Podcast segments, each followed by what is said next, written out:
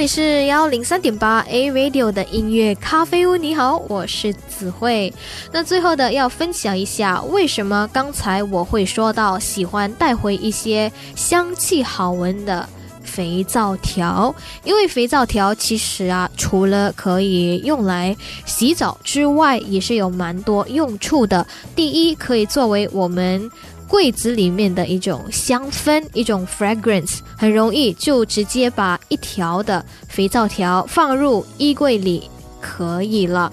那整个衣柜呢，然后我们的衣服也会有它的那种香味了。但其实不单单只是衣柜啦，比如任何一个柜子，除了说我们放盘碗的就不要了，像是鞋柜啊，或者一些行李箱啊，在车子里面呢都可以。那第二呢，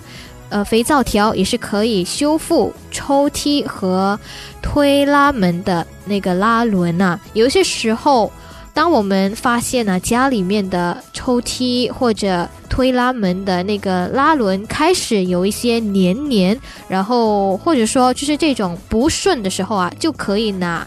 呃，一个那个肥皂条，然后把它，呃，插在那个轮子上，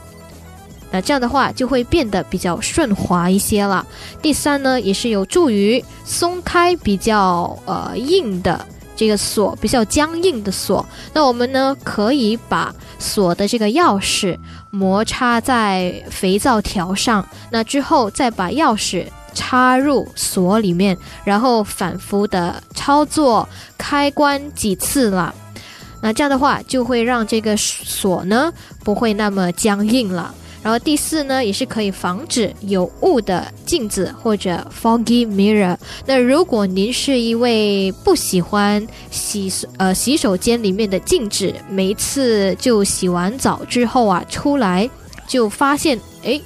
就很多的雾的那种，是可以用一块肥皂条呢，然后把它摩擦在镜子上，但是记得不要沾到水。那如果有一些肥皂条的残留的话呢，用干的布来擦掉、来抹掉就好。那下一次我们洗澡的时候就不会有雾雾的这种镜子了，可以试一试哦。那最后一个要说到的是，可以帮助更容易的洗干净我们的指甲，尤其是那些喜欢种花、种植物的人呢，通常都会有泥土啊，就是进入到我们的指甲里面嘛。